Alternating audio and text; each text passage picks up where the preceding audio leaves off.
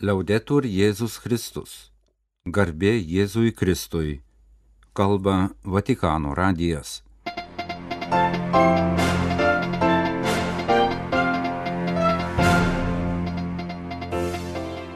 Malonus klausytojai šioje programoje popiežius Pranciškus dalyvavo Italijos forume apie gimstamumą. Evangelizacijos dikasterija pristatė oficialų 2025 šventųjų metų jubiliejaus kalendorių apie katalikų gyvenimą be kunigų Ukrainos okupuotose teritorijose. Pasikėsinimo į popiežiaus šventojo Jono Pauliaus antrojo gyvybę metinės.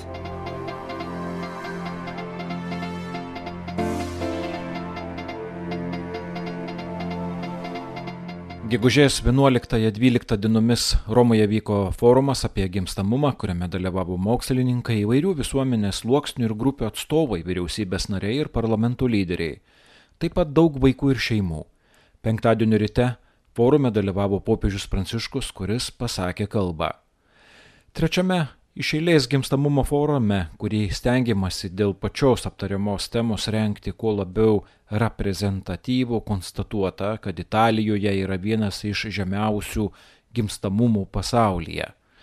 Pasak forumo iniciatorių turime išlaisvinti šeimos temą iš ideologinių argumentų, šalinti pasirinkimo tarp šeimos ir darbo ar karjeros konfliktus, suprasti, kad gimstamumas užtikrina visuomenės ir valstybės tvarumą nuo kurio priklauso taip daug - sveikatos, pensijų, darbo, rinkos sistemos.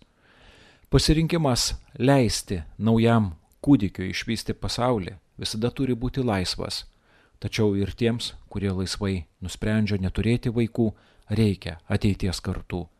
Valstybė neturi diktuoti, bet turi sudaryti palankės sąlygas kurti šeimą, ją išlaikyti, be būtinybės migruoti kitur. Reikia gaivinti ir nuostatą, jo gyvenimas yra gražus, optimistiškas, turi perspektyvą ir ateitį, kuriais savaime norėtųsi dalinti su naujomis kartomis. Apie nuostatas kalbėjo ir popiežius Pranciškus, pasak kurio demografinė žema labai siejasi su neužtikrintumu, baime, vilties nebuvimu. Rytojus atrodo kaip neįveikiamas kalnas. Jauniems žmonėms šeimos sukūrimas tapo kažkuo, kas kainuoja titaniškas pastangas, krenta viena ant jų pečių ir nėra bendra vertybė, kurią visi pripažįsta ir palaiko. Pavojinga, kai asmenys ir šeimos jaučiasi paliktos likimo valiai. Neteisinga, kai vien turtingesni turi laisvę rinktis kokią formą suteikti savo gyvenimui ir ateičiai. Sunkumas atrasti stabilų darbą, jį išlaikyti, Pernelyg brangus būstai, sparčiai augančios nuomos kainos, nepakankamas darbo užmokestis yra tikros problemos. Sono problemi reali. Sono problemi che interpellano la politica perché sotto gli occhi di tutti che il mercato libero senza gli indispensabili Jos yra iššūkiai politikai, nes visi gali matyti, jog laisvoji rinka be būtinų korekcijų tampa laukinė ir generuoja vis sunkesnės situacijas ir neligybę. Norėdamas apibūdinti kontekstą, kuriame esame, galvoju apie nedraugišką, o gal net priešišką šeimai kultūrą, orientuotą į individuo poreikius, reikalaujančią individualių teisių, bet nutylinčią šeimos teises, sakė popiežius Pranciškus. Kalbėdamas apie kliūtis, popiežius pabrėžė, kad nuo jų labiausiai kenčia moteris. Labiausiai nukenčia būtent jos, jaunos moteris dažnai priverstos rinktis tarp karjeros ir motinystės, arba yra prislėgtos rūpinimuose šeima naštos, ypač jei namuose yra trapių senelių ar savarankiškumą praradusių asmenų. Certo, esiste la provvidenza e milioni di famiglie lo testimoniano con la loro vita e le loro scelte Ma l'eroismo di tanti non può diventare una scusa per tutti. Eh? Žinoma, apvaizda egzistuoja ir milijonai šeimų tai liudija savo gyvenimais ir pasirinkimais. Tačiau šių žmonių drąsa negali tapti argumentu nieko nedaryti. Reikia toleregiškos politikos. Turime paruošti derlingą dirbą naujam pavasariui ir palikti šią demografinę žiemą už nugaros, tęsė Pranciškus. Ecco, la natalità, così come l'accoglienza, che non vanno mai contrapposte perché sono due facce della stessa medaglia, ci rivelano Popiežius pabrėžė, kad gimstamumas neturi būti supriešintas su svetingumu atvykstantiems iš kitur. Tai dvi tos pačios monetos pusės, kurios kalba apie tai, kiek yra laimės visuomenėje. Laiminga bendruomenė natūraliai trokšta gimdyti ir integruoti, o nelaiminga visuomenė gimsta individų, bandančių bet kokią kainą apginti tai, ką turi suma, sakė popiežius, kuris ragino puoselėti viltį ne kaip neapibriešta emocija, o kaip vertybę ir socialinį, intelektualinį, meninį bei kultūrinį veiksmą. E allora vi auguro che questa edizione sia l'occasione per allargare il cantiere. eh. Linkiu, kad šis forumas būtų proga išplėsti statybo aikštelę ir įvairiais lygmenimis sukurti didelį vilties alijansą. Džiugu, kad politikos, verslo, bankininkystės, sporto, kultūros, žiniasklaidos atstovai susibūrė kartu, kad samprotautų, kaip žiemą paversti demografiniu pavasariu, kalbėjo popiežius Pranciškus. Impulsas gimstamumui taip pat reiškia socialinės atskirties formų, nuo kurių kenčia jaunuoliai ir jų ateitis, šalinimą. Tai yra tarnystė visiems. Vaikai yra ne individualus turtas, bet asmenys, kurie padeda visų augimui, kurdami žmogiškąją ir kartų gerovę. Besirengiant šventiesiems metams, evangelizacijos dikasterija pristatė oficialų jubiliejaus kalendorių interneto svetainę, programėlę ir paskelbė jubiliejaus himno konkurso nugalėtoją. Gegužės 9 dieną vykusioje spaudos konferencijoje evangelizacijos dikasterijos pagrindinių klausimų susijusių su evangelizacija pasaulyje skyriaus vadovai pristatė parengiamuosius darbus ir pasiektus tikslus besirengiant jubiliejiniams metams. Arkivyskupas Rino Fizikela, evangelizacijos dikasterijos proprefektas, koordinuojantis Vatikano pasirengimą renginiui, sakė, kad pradėti susitikimai su vyriausybė Lacijaus regionu ir Romos savivaldybe, tariamasi dėl infrastruktūros atnaujinimo, kuri padėtų priimti milijonus piligrimų atvyksiančių į amžiną į miestą 2025 metais. Pastaruoju metu evangelizacijos dikasterija įsteigė keturias komisijas ir techninį komitetą, kurie padeda renkti bendrą programą. Tai pastoracinė komisija skirta koordinuoti santykius su bažnytinėmis institucijomis ir parengti iniciatyvas vietos bažnyčiose. Kultūros komisija, kuri koordinuoja parodų, koncertų, visos kultūrinės veiklos įgyvendinimą, siekiant praturtinti dvasinę piligrimų patirtį. Pavyzdžiui, Vatikane bus pristatyta ispanų dailininko El Greco paroda, skatinanti žiūrovus apmastyti viltį Kristuje. Tai būsimo jubiliejaus tema, o šūkis vilties piligrimai. Komunikacijos komisija padės palaikyti ryšius su žurnalistais, akademiniu pasauliu, medijų ekspertais. Ekumeninė komisija rems tarp religinį dialogą vilties tema, prisidės prie parengiamųjų darbų minint Nikėjo susirinkimo 1700 metų sukaktį. Konferencijos metu pranešta, kad dikasterija išrinko jubiliejaus himno konkurso nugalėtoją. Tai muzikas italas mantujietis Francesco Menegelo, kuris sukurs muziką teologo ir muzikologo Pierangelo Sequeri tekstui. Pristatytas šventųjų metų pagrindinių renginių kalendorius, kuris dar bus pildomas. Birželio pirmą dieną bus atidarytas piligrimų centras šalia Šventojo Petro bazilikos Romoje, kur bus teikiama informacija apie jubiliejinius metus. Nuo gegužės 10 dienos veikia jubiliejaus svetainė, kurioje devyniomis kalbomis pristatoma svarbiausia informacija apie jubiliejinius metus, įskaitant ir informaciją apie šventasias duris Šventojo Petro ir kitose Romos bazilikose. Nuo rugsėjo mėnesio piligrimai čia galės registruotis į jubiliejinių metų renginius. Užsiregistravusiems bus suteikiama skaitmeninė piligrimo kortelė. Taip pat nuo rugsėjo mėnesio veiks socialinių medijų paskiros ir nauja jubiliejų skirta programėlė Jubiliejum 2025. Jūs klausotės Vatikanų radio žinių laidos. Tęsėme programą.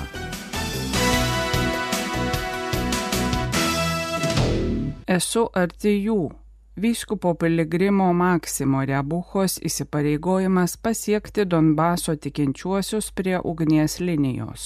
Esu vienos iš labiausiai nuo karo žaizdų ir beprotybės nukentėjusių Ukrainos viskupijų ganytojas. Du trečdaliai Donetsko graikų katalikų egzarchato, kurio auxiliaras yra vyskupas Rebucha, yra užimti Rusijos kariuomenės. Laisva dalis nusidriekusi palei frontą apima vietovės, kurios šiandien yra kovų epicentrai - nuo Bakhmuto iki Avdyjivkos. Kremliaus kariuomenės kontroliuojamose teritorijose neliko katalikų kunigų. Du kunigai redemptoristai beveik šešis mėnesius yra Maskvos kariuomenės nelaisvėje po to, kai lapkritį buvo suimti Berdensko mieste prie Ozovo jūros. Vyskupui Reabuchai uždrausta patekti į tą viskupijos dalį, į kurią įsiveržė rusai, įskaitant Donetsko miestą, kuriame stovi katedra ir kurijos būstinė, tačiau į juos vyskupui patekti neįmanoma. Čia jaučiamas visas karo intensyvumas ir siaubas, aiškina vyskupas. Okupuotose teritorijose lieka prarasta kaimenė, mūsų žmonės yra bedvasinių vadovų, jaučiasi našlaičiai. Sakramentų trūkumas dar padidina kančias, prisideda prie siaubo ir kankinimų, išgyventų dėl Rusijos agresijos. Priversti bėgti ar okupantų išvaryti parapijos kunigai palaiko ryšį su bendruomenėmis. Tačiau kadangi gyventojai yra labai griežtai stebimi, kiekviena išsiusta žinutė gali kelti pavojų tiems, kurie liko, pasakoja ganytojas. Visuose Ukrainos regionuose prioritetas išlieka perkeltųjų asmenų prieimimas ir humanitarinės pagalbos teikimas. Kaip bažnyčia esame pašaukti palaikyti pačius trapiausius, kuriuos legia invazijos ir bombų svoris, sako vyskupas. Kai pabėgėlis sužino, kad jo namus sugriovė arba užėmė rusai, atrodo, kad iš jo buvo pavokta gabalėlis jo gyvenimo pasakoja ganytojas, pridurdamas, kad mėginama iš naujo pradėti bažnytinę veiklą. Karas nesustabdo gyvenimo. Negalime pasiduoti nusivylimui. Vėl rengiame susitikimus, mokymo kursus ir netgi piligriminės keliones. Tokias kaip į Medžiugorję, kur daugumą tikinčių keliauninkų sudarė moteris evakuotos iš okupuoto Melitopolio miesto. 42 metų vyskupas pasirinko gyventi Zaporyžioje. Tai miestas, kuriame galiu gyventi arčiausiai Donetsko, sako jis. Per kiek daugiau nei tris mėnesius vyskupas automobiliu nuvažiavo 15 tūkstančių kilometrų, kad aplankytų parapijas net labiausiai pavojinguose kampeliuose ir apkasuose švestų mišes tarp karių. Visada primenu savo žmonėms, kad joks blogis negali mūsų išgazdinti, jei tikrai tikime, kad Kristus prisikėlė. Dievo nestebina žmogaus nedorumas, Žinoma, šiais karo metais savo akimis matėme, kiek tamsos tvyro aplink mus ir kiek smurto gali talpinti širdis. Atrodo, kad visa tai gali paversti mus bejėgiais, tačiau viešpats mums kartoja, kad gyvenimas nugalėjo mirtį. Taip atsitiks ir mūsų kankinamoje šalyje. Pasikėsinimo į popiežiaus šventojo Jono Pauliaus antrojo gyvybę metinės.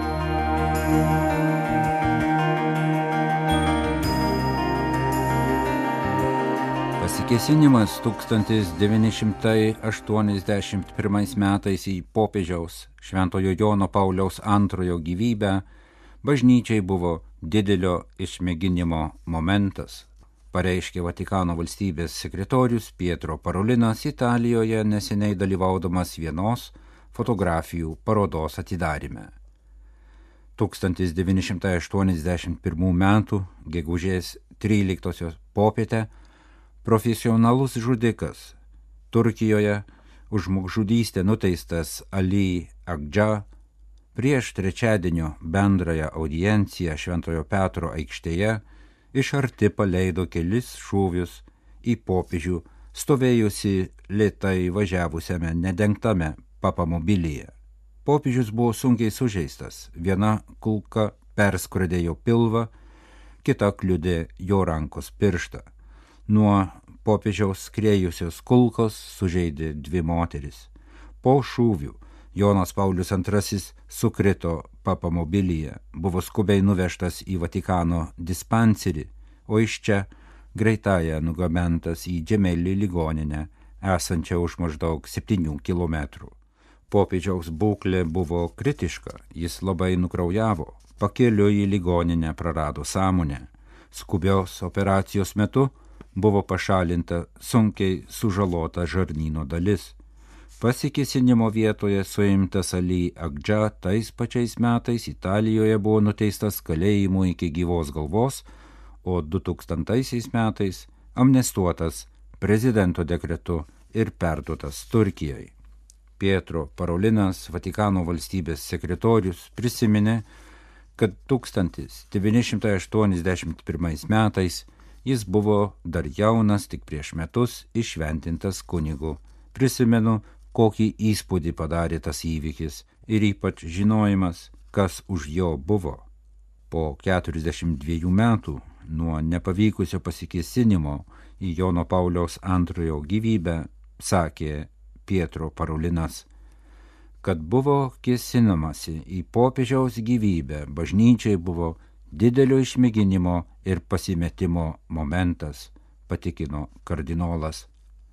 Per plauką su mirties pavojumi prasilenkęs Jonas Paulius II yra sakęs apie 1981 metų įvykį, kad viena ranka į jį šovė, o kita nukreipė kulkos trajektoriją. Jis padovanojo vieną iš į jį paleistų kulkų Fatimos švenčiausiosios mergelės Marijos šventoviai Portugalijoje kaip padėkos Dievo motinai už jo išgelbėjimą, už kulkos nukreipimą ženklą. Ta kulka dabar yra puošmena įkomponuota į Fatimos Marijos statulos karūną. Jonas Paulius II viešai atleido pasikesintojui ir 1983 metais jį aplankė Romos kalėjime. Jis neatskleidė, apie ką kalbėjausi su Aliekčia, tačiau garsus italų žurnalistas Indro Montanelli, atpasakodamas savo pokalbį su Jonu Pauliumi II, pasakoja, kad anot popiežiaus Aliekdžia buvo kamuojamas minties, ne kad šovė į popiežių, bet kad jam, nesuklystančiam šauliui, nepavyko jo nužudyti jį kamavo suvokimas, kad turėjo būti kas nors ar kažkas, kas jo šūvius pavertė niekais.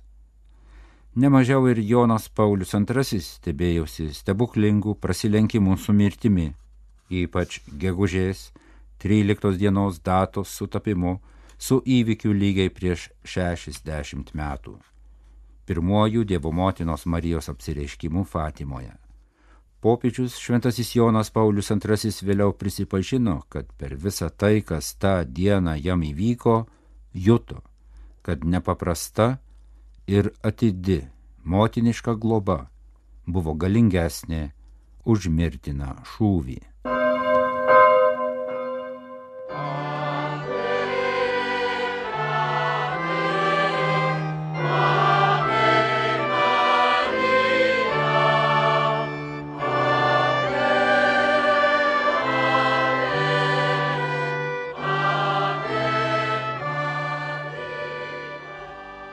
Kalba Vatikano radijas laidą lietuvių kalba baigėme garbė Jėzui Kristui, liaudėtur Jėzus Kristus.